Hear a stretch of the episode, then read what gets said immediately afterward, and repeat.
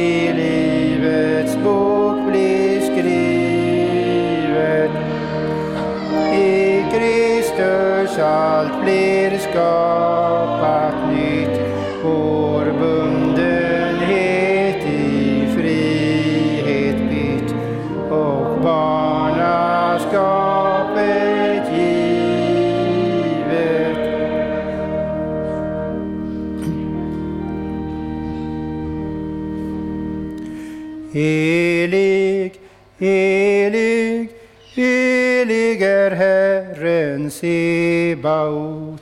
Hela jorden är full av hans härlighet. Herren är i sitt heliga tempel. Hans tron är i himmelen. Men han är också hos dem som är ödmjuka och ångerfulla.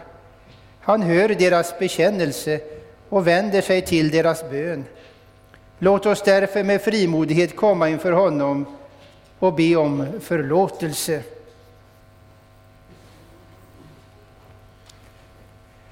Jag, fattig, syndig människa, bekänner inför dig, helige och rättfärdige Gud, att jag som är född med synd på många sätt har brutit emot dig. Jag har inte älskat dig över allting och inte min nästa som mig själv. Mot dig och dina bud har jag syndat med tankar, ord och gärningar. Jag är värd att förkastas från ditt ansikte om du skulle så döma mig som mina synder har förtjänat. Men du, käre himmelske Fader, har lovat att med mildhet och nåd ta emot alla som vänder sig till dig. Du förlåter dem allt vad de har brutit och försummat och tänker inte mer på deras synder. Detta litar jag på när jag nu ber dig om förlåtelse för min frälsares Jesu Kristi skull.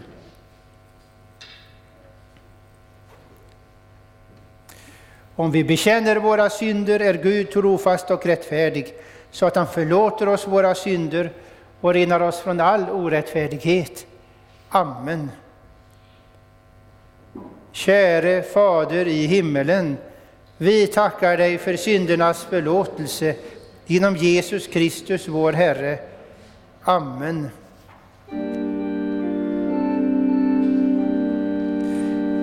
Helige Herre Gud, helige starke Gud, helige barmhärtige frälsare, du evige Gud, förbarma dig över oss.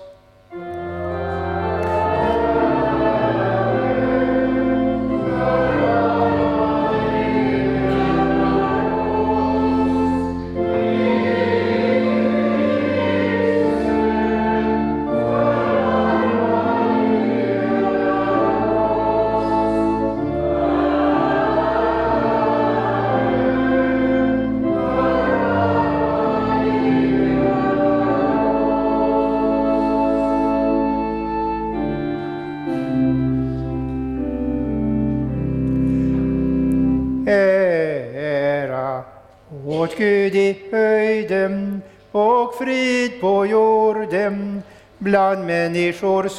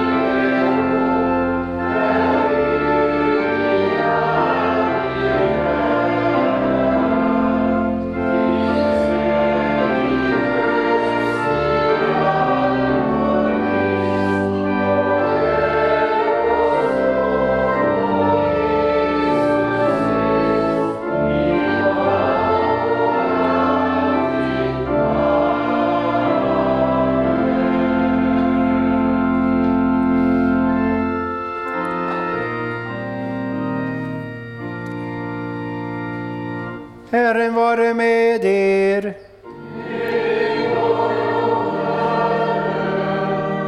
Låt oss bedja. Herre vår Gud, du som uppenbarade dig vid din Sons dop, hjälp oss som är döpta att leva som dina barn, så att vi med alla dina trogna får ärva det eviga livet. Genom din Son Jesus Kristus, vår Herre. Amen. Vi ska lyssna till Herrens ord i den gammaltestamentliga läsningen och sen episten.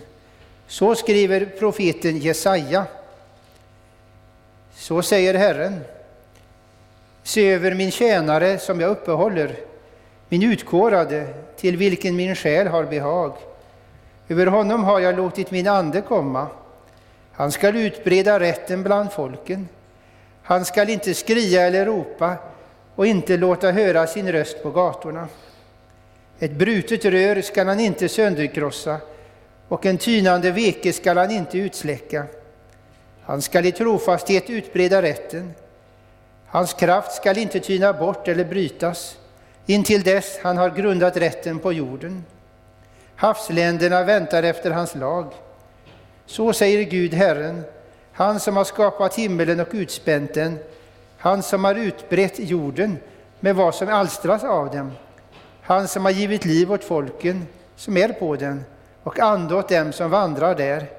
Jag, Herren, har kallat dig i rättfärdighet, och jag vill fatta dig vid handen och bevara dig och fullborda i dig förbundet med folket och sätta dig till ett ljus för folkslagen, för att du må öppna blinda ögon och föra fångar ut ur fängelset, ja, ur fångenskapen, de som sitter i mörkret.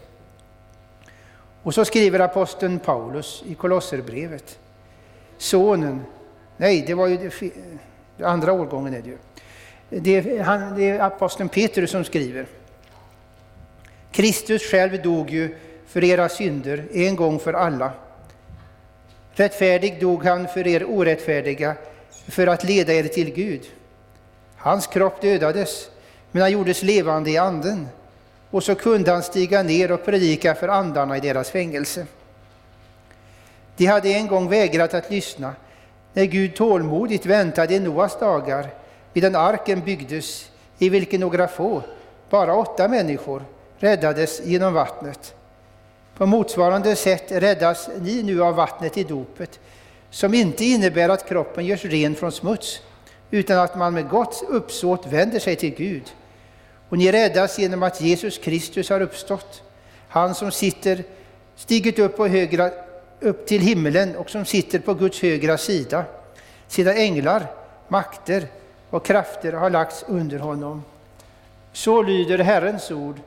Gud, vi tackar dig fortsätter vi med att sjunga salmen 618.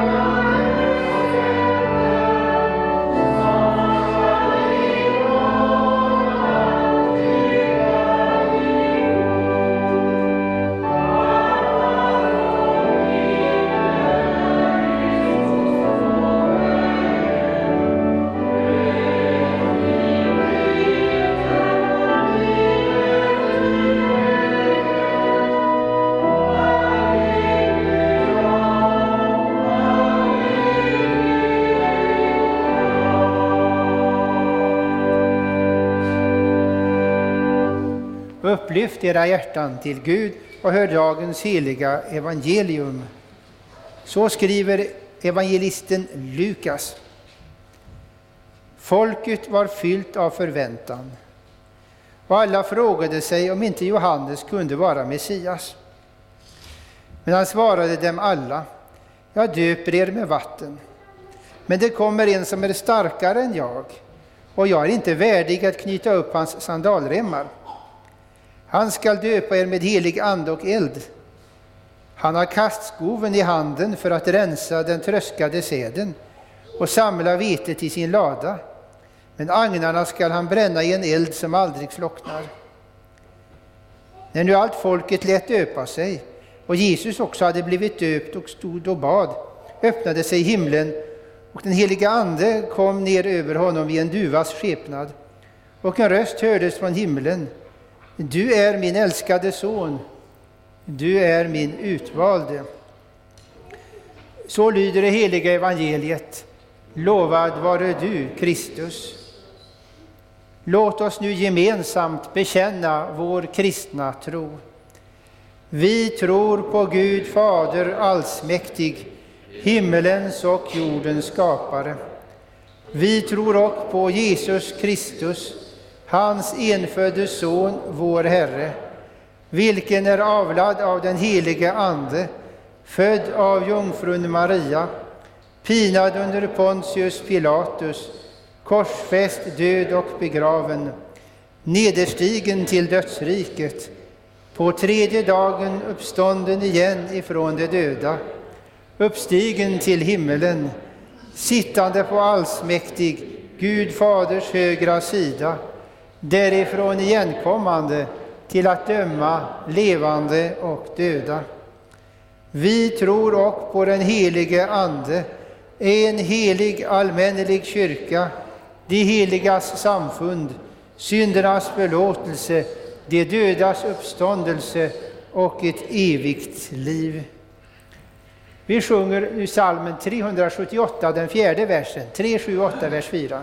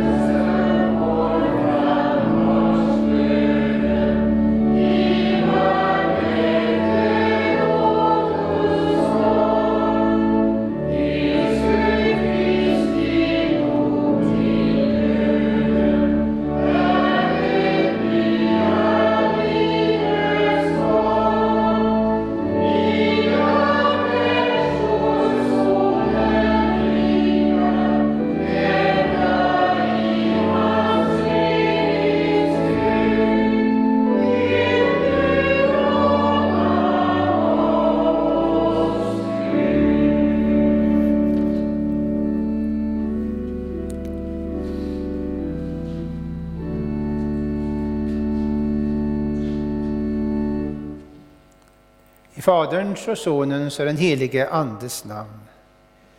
O Fader, vi välsignar dig för skänken av en lära som banat oss en säker stig till sällhet och till ära, som alla dårars löjen tål och alla svagas tvivelsmål och alla visas granskning. Amen. Tre är det som vittna. Första Johannes det i Johannesbrevets femte kapitel, den sjunde versen. Tre är det som vittnar. De här orden har som utdrag ur Guds ord funnits med i epistlar på lite olika söndagar under århundradenas lopp. Många gånger har det varit första söndagen efter påsk. Ett tag var den inte alls med i evangelieboken. Och använder man eh, 2003 års evangeliebok så är de med i den här dagen. Det är anden, vattnet och blodet som vittnar. Även om vi också får tänka att Fadern, Sonen och den helige Ande, treenigheten, vittnar i Guds ord. Den treenige är på en gång upphöjd och nära de människor som han har skapat. Ja, han blev i tidens fullbordan själv människa. Hans blod har sonat all vår synd. Och detta goda får man del i när dopets vatten öses över en tillsammans med Guds ord. Anden verkar där. Och han vittnar också för en människa genom ordet, alldeles som han vittnade vid Jesu dop. När Gud vittnar är det alltså tre trovärdiga vittnen, så som det var vid Jordan. Kom ihåg att Gud är tre och en på samma gång.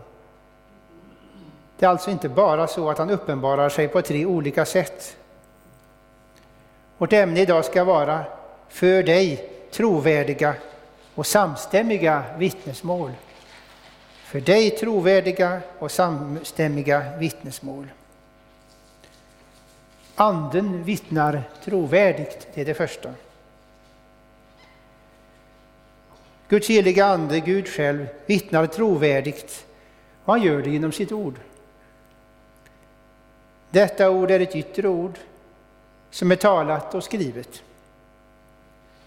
Dessutom kan han använda människors minne när de där har fått ett gott förråd av Guds ord.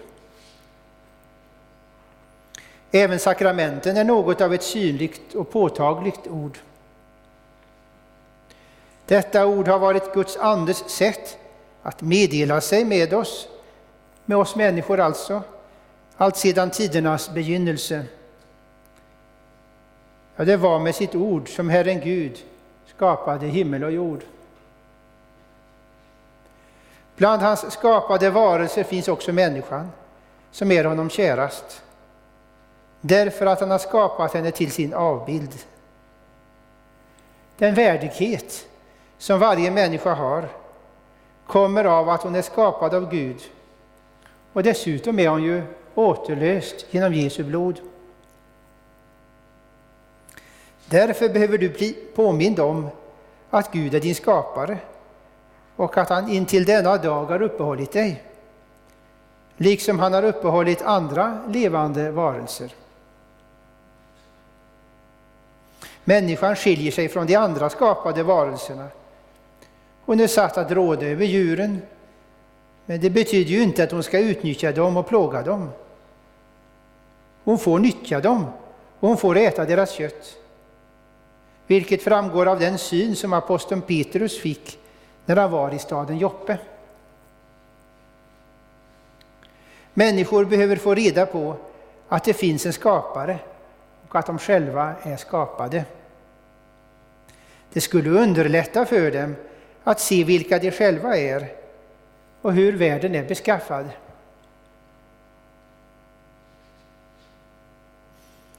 Det är inte säkert att man förstår att skaparen har en vilja som berör en när man inte har lärt känna honom. Gud har alltså ett ärende till var och en av oss. Så var det också på Johannes döparens tid. Denne döpare framförde det ärende som Gud hade till sitt folk. Ett ärende som gäller alla, eftersom de är skapade. Och det Herren sedan skulle komma att göra på korset skulle röra oss alla. Många av dem som kom till Johannes väntade på att Messias skulle komma. De hade nog inte en helt riktig uppfattning om vem och hur han skulle vara. Men det fanns något hos dem som berördes av Guds ord hos Johannes, genom Johannes. Ty när man kommer inom hörhåll för den heliga Ande så är det ju Anden som drar i en. Johannes var en frimodig profet. Han drog sig inte för att säga Guds ords sanning till dem som hade makten och bestämde, eller på annat sätt hade inflytande. Bland det onda som kung Herodes hade gjort var att han tagit sin brors hustru. Dessutom var det kungen som spärrade in Johannes i fängelse och till slut lät det dräpa honom på grund av ett lättsinnigt löfte och en lättsinnig kvinnas begär. Det Johannes sa då, det gäller nu också för var och en som går i Herodes otros spår. Johannes föddes när hans föräldrar var gamla. Han profeterade Guds ord.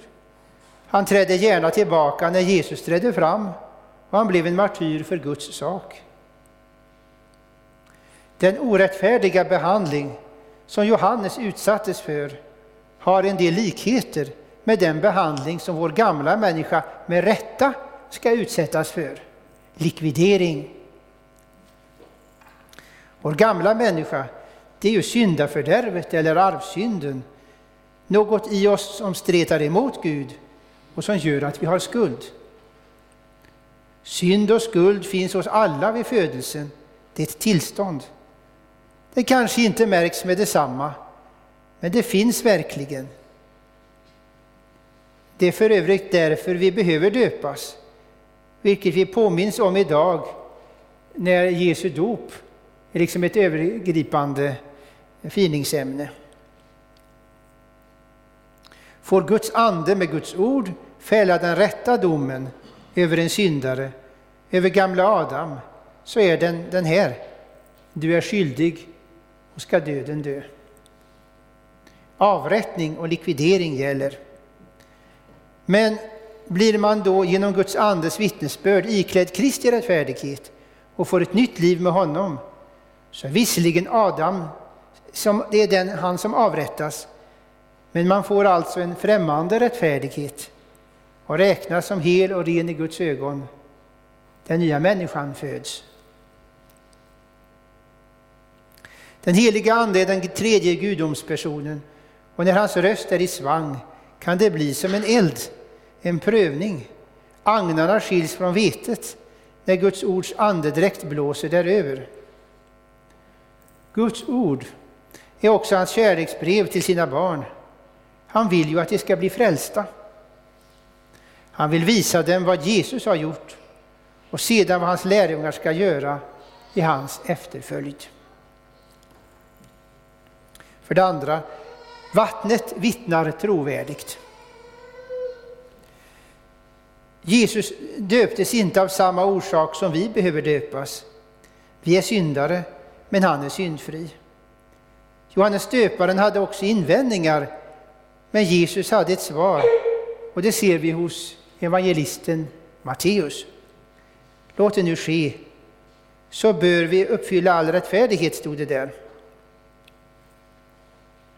Jesus gick in under våra villkor och den helige Ande kom över honom i en duvas gestalt. Man har under århundradenas lopp lagt in andra felaktiga saker i Jesu dop, vilket man måste avvisa. Menar man att hans gudomliga och mänskliga natur just vid detta tillfälle förenades, så har man lämnat Bibelns lära. Jesus är Guds enfödde son, som blev människa genom den heliga Ande och föddes av jungfru Maria. Han är helt och hållet Gud, helt och hållet människa, dock syndfri. Vem Jesus är framgår alltså tydligt av rösten som sa Denne är min älskade son, den utvalde. Hans naturer är oskiljaktigt och oupplösligt förenade utan sammanblandning och förvandling. När Johannes döpte, döpte han människor som väntade på honom som skulle komma. Det var något frivilligt som de tog emot, men man torde sannolikt kunna betrakta det som ett riktigt kristet dop, bara att det skedde i tiden före Jesu försoning. Johannes var ju en profet, och detta med Guds nåd och förlåtelse hade varit känt ända sedan Adams tid. Hos några i alla fall, hos några människor, så var det känt. Ty genom dopet meddelas Guds nåd och förlåtelse, och Johannes visste ju hur det var. Men när Jesus var uppstånden, då gäller istället det dop som han instiftat, och det är inte frivilligt om man vill bli frälst. Ty Gud har knutit sina löften till Guds ord och till dopets vatten. Det som Fadern sa om Jesus upprepas över dig efter ditt dop och säger något om vad dopet betyder och ska betyda för dig. Kort skulle man kunna säga att dopet förmedlar syndernas förlåtelse i Guds ord och sakramentets vatten till människor i skärningspunkten mellan deras egen syndiga natur och Guds kärleksfulla helighet så att de samma människorna en gång skulle få vara med i den skara som tillber Lammet i himmelen. Utan syndernas förlåtelse går man ju förlorad. Med syndernas förlåtelse är man ett Guds barn och sams med sin frälsare. Gud säger, detta är mitt älskade barn, om den som tagit emot dopets gåva. Gud ger denna gåva enbart av sin nåd och faderliga godhet. Hur ska ett dop gå till för att det ska vara riktigt? Jo, det ska ske med riktigt vatten och i Faderns och Sonens och den helige Andes namn. Även om vi i skriften kan se att man liksom sammanfattade det att döpas i Jesu namn, men Jesus är ju Gud, så det blir nästan liktydigt, blir liktydigt med i Faderns och Sonens och den helige Andes namn. Däremot är inte vattenmängden av avgörande betydelse. Det yttre dopsättet kan förstås mer eller mindre visa att man genom att döpas dör och uppstår med Jesus Kristus. Men du behöver inte vara bekymrad om du döptes genom att vatten östes över ditt huvud från en dopfunt när kraven i övrigt uppfylldes. När vi ändå är inne på sådant som kan vålla bekymmer för en människa kan vi stryka under att den viktiga frågan är varför ska man döpas, inte när ska man döpas. Man behöver döpas därför att man är en förtappad och fördömd människa och behöver få del i Jesus, hans försoning och hans förlåtelse. Av det följer att föräldrar som lever med Jesus gärna och tidigt ska bära sina barn till dopet. Guds rike är till för barn också, och av det sagda framgår att syndafördärvet finns hos dem, fastän det inte syns alldeles när de är nyfödda. Men nog syns det ganska snart, eller hur? Tron är en gåva som den helige Ande verkar. Han verkar genom nådens medel och Jesus säger ju något om att låta omvända sig och bli som barn. Man behöver vara öppen och ta emot Guds gåva. Av naturen gör vi motstånd mot Gud och detta motstånd tycks bli tydligare med åren. Om man inte blir föremål för Guds andes goda påverkan. Det gäller att inte förakta Guds nåd och de nådemedel han har inrättat. Det är Gud som kallar en människa till sig. Det är han som börjar, alldeles så som han kom till Johannes vid Jordan. Gud har utvalt människan i Kristus. Det finns ett fritt val för henne, men samtidigt finns det en missvisning eftersom hon av naturen har en bunden vilja i andliga ting. Därför har hon inget annat val än det hon av naturen har, alltså nej till Herren. Man kan bli frälst eftersom det är Guds förtjänst när en människa blir salig, men hennes eget fel när hon går förlorad. Det onda finns i världen därför att vi har valt det. Detta val skedde visserligen för länge sedan genom vårt ombud Adam, men ändå. Därför behövde Guds son komma hit, tälta mitt ibland oss och utföra det evigt giltiga försoningsoffret. När det gäller detta med vatten så kan vi tänka på profeten Mose. Och i samband med honom finns det flera förebilder för det heliga dopet. Vi har detta med att gossebarnen omskars på åttonde dagen, men framför allt i hans fall att han räddades genom vatten när han var i korgen i Nilfloden och togs hand om av eh, faraos dotter. Och som vuxen var han Guds redskap när folket räddades genom Röda havet över till andra sidan vattnet. Det var ju det vi sjöng om i salmen 618. Genom dopet sker den gamla människans andliga korsfästande, död och begravning på grundval av Jesu försoning. Sedan sker också den nya människans uppståndelse med Kristus. Man tvättar sig in från synden, men behöver sedan fortsatt vara rengjord genom daglig omvändelse och förlåtelse. Vidare, blodet vittnar trovärdigt. Med blodet avses Jesu blod, med vilket han återlöste oss människor. Hans försoningsdöd var nödvändig för att Gud och människan skulle bli sams. Det var genom det som kallas egenskapernas meddelelse som Jesu blod kunde ha en sån kraftig verkan. Det betyder att de egenskaper som Jesus har som Gud har han också som människa. Och tvärtom förresten. Tänk på ordet Jesu Guds sons blod renar från all synd. Även om Jesu verkliga närvaro i nattvarden är en sakramental närvaro så hjälper detta med egenskaperna oss att förstå hur Kristi kropp kan vara överallt samtidigt.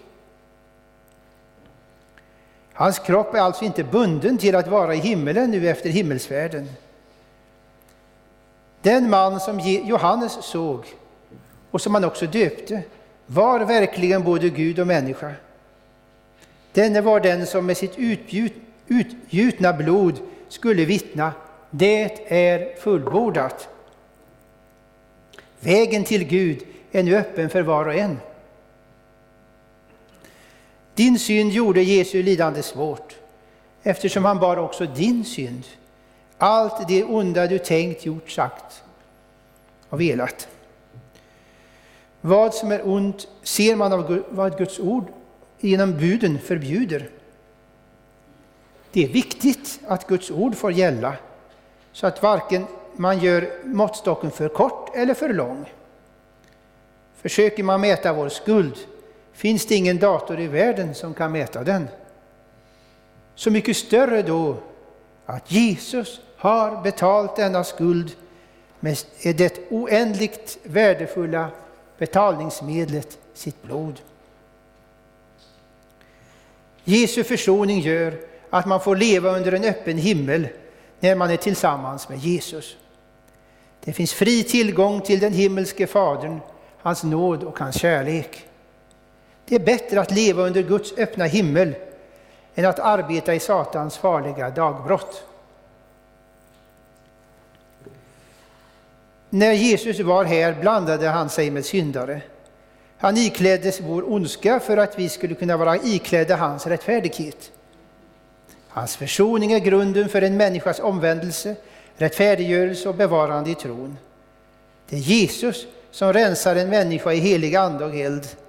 Och därför ska du vara noga med de ord som utgår av Jesu mun. Allra sist ställer vi oss frågan, är du trovärdig? Johannes var ovärdig att upplösa Jesus skoremmar. Men han var trovärdig. Det han sa om Jesus var sant. Den treenige guden är trovärdig. Men är du trovärdig? Stämmer ditt liv med att du är döpt i Jesu namn? Är det så att du avsäger dig djävulen, hans väsen och alla hans gärningar? Säkerligen upptäcker du att det i mångt och mycket inte är så. Finns det då någon nåd för mig och någonstans att ta vägen? Jo, till Jesus får du komma med din bekännelse av din synd för att sedan bekänna hans namn i tro, ord och handling. Jesus är din vän från vaggan till graven. Är du hos honom är din bekännelse också den trovärdig och det eviga riket väntar. Akta på ditt dop. Det vill säga, ta vara på det, var aktsam om det och var försiktig när du vandrar genom livet. Vi behöver inte bara vara försiktiga när det är smitta i luften, utan vi behöver faktiskt vara försiktiga så att vi inte med flit bryter mot Herrens bud. Vi ska alltså vandra så att det blir en vandring med Jesus. Amen. Lovad vare Gud och välsignad i evighet, som med sitt ord tröstar, lär, förmanar och varnar oss. Hans heliga Ande stadfäste ordet i våra hjärtan, att vi icke må vara glömska hörare utan dagligen tillväxa i tro, hopp, kärlek och tålamod in till änden och vara saliga. Genom Jesus Kristus, vår Herre. Amen.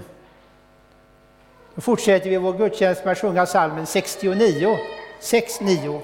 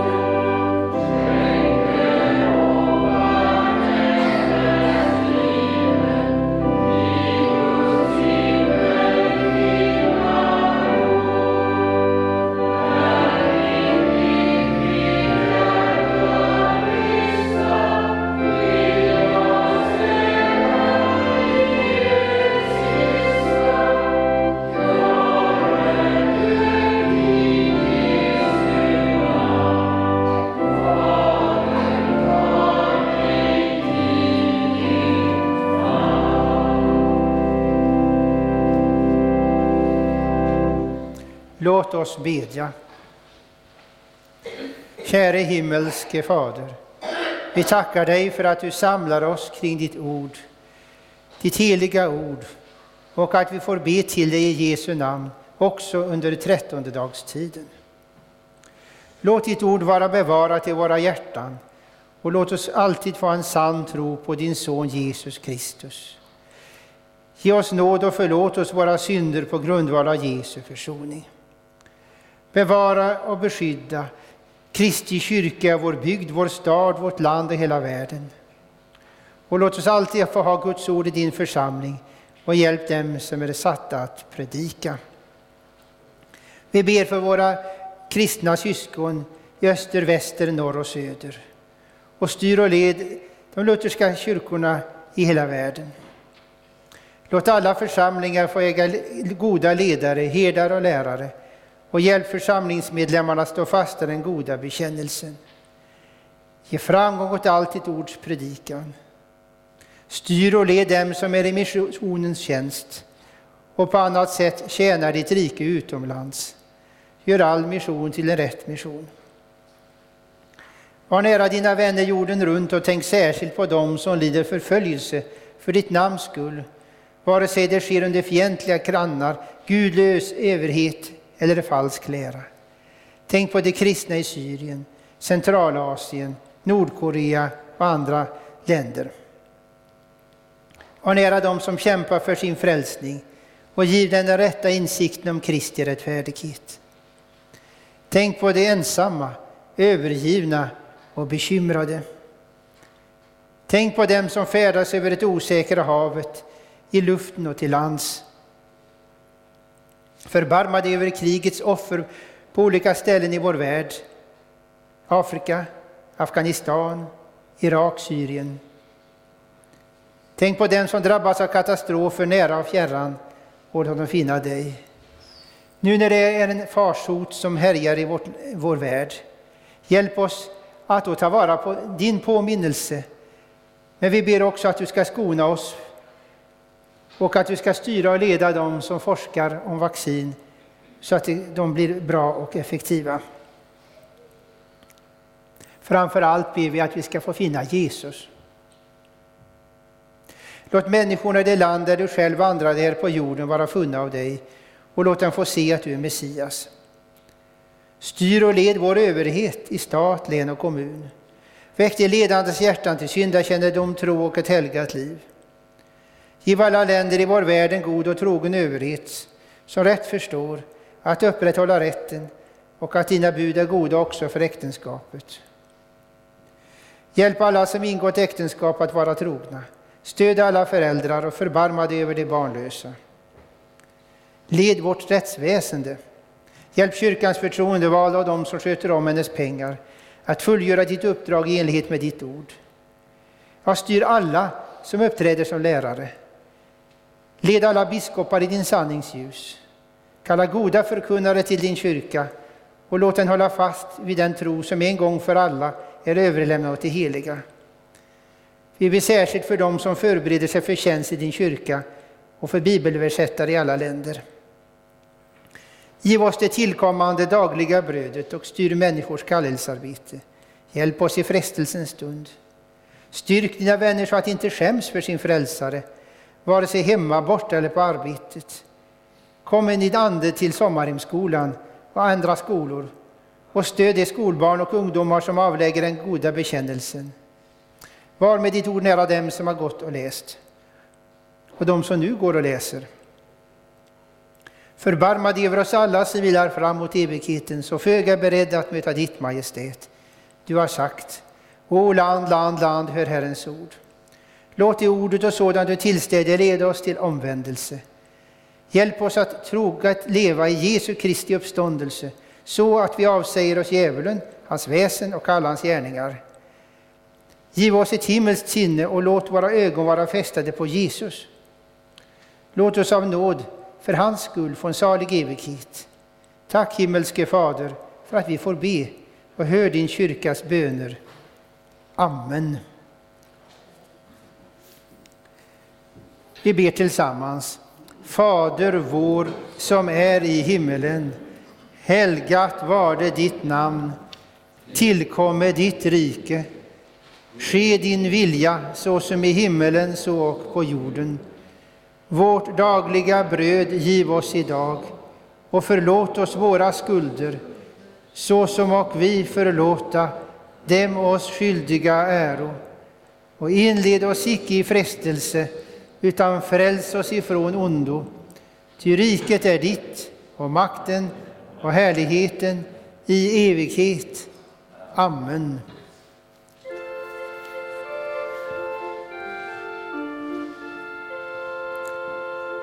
Låt oss tacka och lova Herren.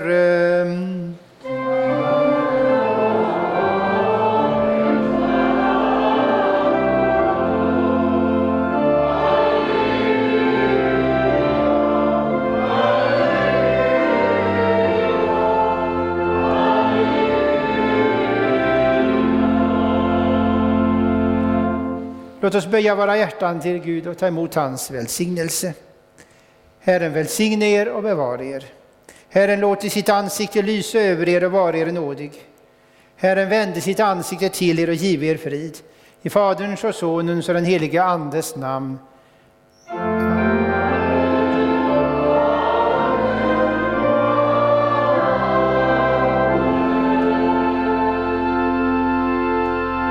Vi sjunger psalmen 132, den tredje versen.